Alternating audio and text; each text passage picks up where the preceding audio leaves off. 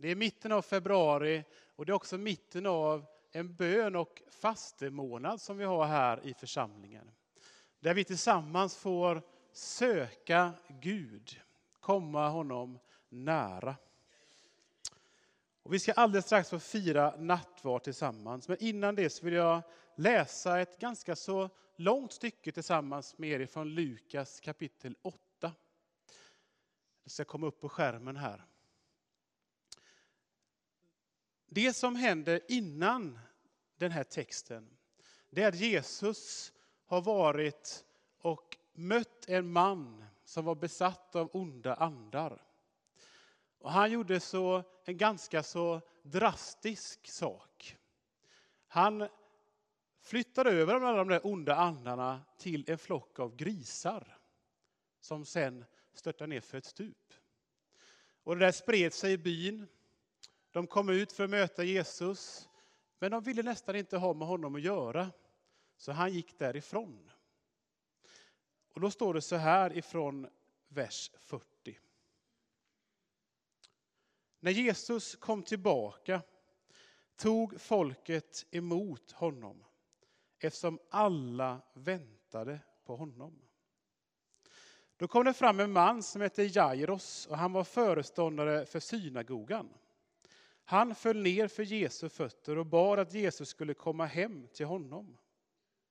Han hade en, en enda dotter som var i tolvårsåldern och hon låg för döden.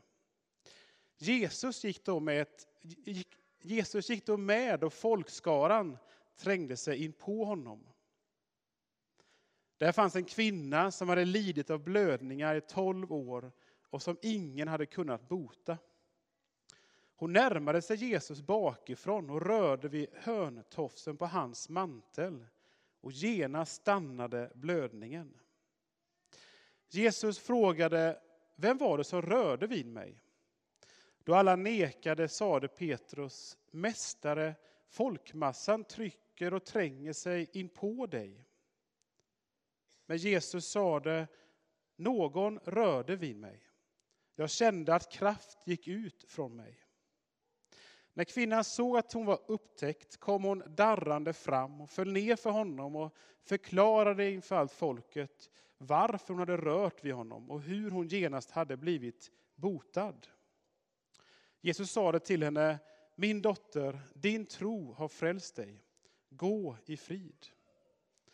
Medan han ännu talade kom någon från synagogaföreståndarens hus och sade, din dotter är död, besvära inte mästaren längre.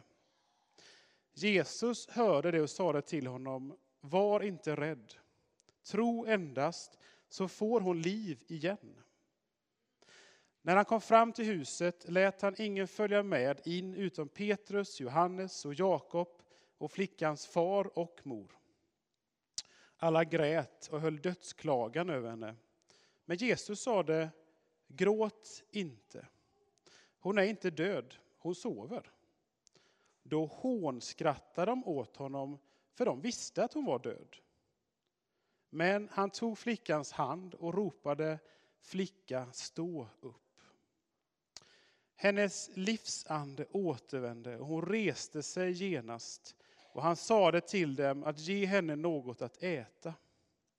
Hennes föräldrar blev utom sig av häpnad, men Jesus han förbjöd dem att tala om det för någon vad som hade hänt. I den här texten så är det som två olika berättelser som går i varandra. Och det finns några saker som jag vill bara lyfta fram. Den första meningen. Folket tog emot Jesus och alla väntade på honom. Det fanns en förväntan kring Jesus. Det fanns som en dragningskraft kring Jesus. Människor drogs till honom. Människor väntade på Jesus. Och så kommer den första personen, Jairos. Han kommer fram och han är föreståndare för synagogan. Alltså en ganska så uppsatt man. Och han gör en sak som inte kan varit helt enkelt. Han faller ner på knä inför Jesus. Och brister ut i sin förtvivlan. min enda dotter ligger inför döden, du måste komma hem till mig. Och Jesus säger inte, jag har inte tid. Nej, han följer med. Och hela folket följer med. Och man kan se den här bilden framför sig där i gatorna, att det blir som en rörelse i staden. Folket följer med hem mot Jairos hus. Och då kommer denna kvinna fram. En kvinna som har hört talas om Jesus, som har lidit av blödningar i tolv år och ingen har kunnat hjälpa henne. Och hon tänker, jag måste få röra vid honom. Jag måste ända fram. Och hon på något sätt knör sig i folkmängden fram till Jesus. Hon ger sig inte. Hon ska fram till honom. Och hon rör vid hörntofsen och kraft går ut ifrån Jesus och hon blir frisk genast. Och Jesus stannar ju upp för han märker att något sker. Och säger, vem rörde vid mig? Och lärjungarna tänker att du är ju koko i huvudet Jesus. Alla rör vid dig, för det är så mycket folk. Alla trycker ju på Jesus. Det är omöjligt att säga vem som inte rör vid dig. Alla rör vid dig. Nej, det var någon som hade något särskilt ärende. Det var någon som sträckte sig speciellt fram till mig. Som ville mig någonting. För jag kände att det gick ur kraft ifrån mig. Och så kommer hon till sist fram till Jesus. Hon är rädd. Hon undrar vad ska hända nu med mig? Men Jesus tittar på henne och säger, min dotter, din tro har hjälpt dig. Din tro har frälst dig. Gå i frid. Och så när detta har skett så kommer en tjänare till Jairus. Och han säger, okej okay, vi kan stanna nu. Vi kan stanna nu. Vi behöver inte gå hem till Jairus för hon är död. Så vi behöver inte besvära Jesus mer. Vi behöver inte besvära honom nu. Han kan få göra vad han vill. Skingra er. Hon är död. Men Jesus säger, nej hon sover. Vi ska fortsätta gå hem till Jairus. Hon ska få liv, denna lilla flicka. Han tar med de närmsta lärjungarna, Petrus, Johannes och Jakob, in på flickans rum, lägger sina händer på henne och säger stig upp, gå upp lilla flicka. Och hon vaknar till liv. Och sen är det så fantastiskt att det Jesus också säger är att du måste nog vara hungrig. Plocka fram mat till den här flickan nu. Hon måste ha mat så hon får krafter tillbaka. När vi människor söker oss nära Jesus så finns det olika saker som kan hindra oss från att komma honom nära. Och den här texten innehåller några sådana saker.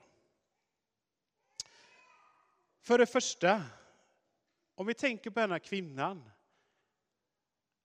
Hennes skam skulle kunna ha hindrat henne från att komma till Jesus. Hon var oren i den judiska världen på grund av sin sjukdom med blödningarna. Hon var utanför hela det judiska samhället. Så hon måste vetat om känslan vad innebär att vara utanför. Att bära på skam eller smutsighet. Det skulle ha kunnat hindra denna kvinna från att komma till Jesus. Det andra som kan hindra oss människor som också skulle ha kunnat hindra den här kvinnan, det är att läget såg hopplöst ut.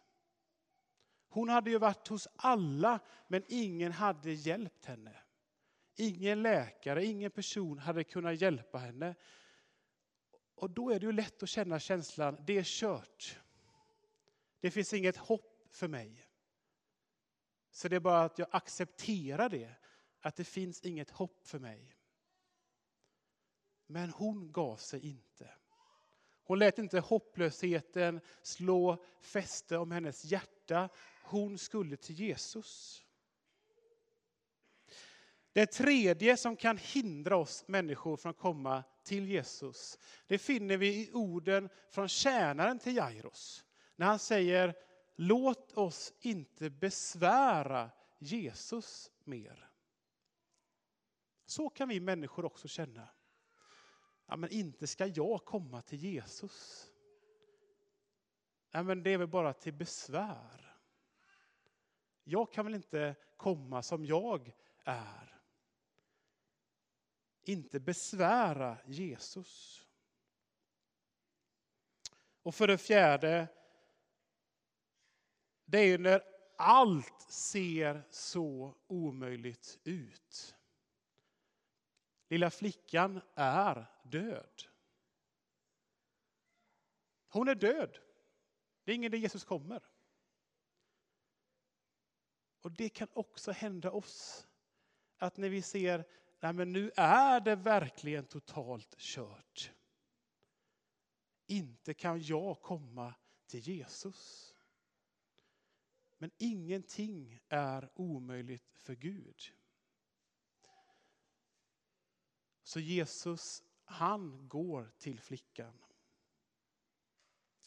Och vi ska få fira nattvard. Vi ska få komma till Jesus. Låt då inte någon skam eller låt inte någon hopplöshet eller låt inte någon känsla av att inte kan väl jag komma till Jesus. Jag kan inte besvära honom. Låt inte de tankarna eller känslorna hindra dig från att komma till Jesus. Jesus, han har alltid tid med människor. Med människor som sträcker sig mot honom. För det var ju det hon gjorde, kvinnan. Hon gav sig inte. Hon kröp, trängde sig fram till Jesus. Och vet ni vad? Jesus längtar efter människor som vågar komma så ärligt och röra vid honom. Som på något sätt nästan rycker tag i honom. Och det får vi alla göra idag. Söka oss så nära Jesus. Ska vi be för nattvarden. Jesus, tack för att du är verkligen en Gud som stannar upp. Du är en Gud som inte har bråttom, som inte stressar vidare, som inte är långt borta i dina tankar, utan du är här. Du är alltid i nuet. Så tack för att du är här. Och tack för att du känner oss var och en, Jesus. Du vet att vi kan ha med oss erfarenheter, minnen, ord som gör att hinder har byggts upp i våra hjärtan, i våra tankar för att sträcka oss mot dig, för att komma nära dig Jesus. Men Herre, låt oss få bli fria från de hindren idag. Jesus, tack för att du längtar efter människor, efter folk som sträcker sig mot dig som längtar efter att få röra vid dig.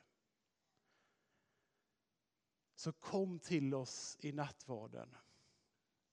Kom och berör våra hjärtan Jesus. Kom och möt oss och fyll oss på nytt med ditt liv. Res oss upp Jesus. Upprätta oss på nytt Herre. Och låt oss få glädjas över att vi är dina söner och dina döttrar. Dina barn. Och därför att du har gett allt för oss. Jesus.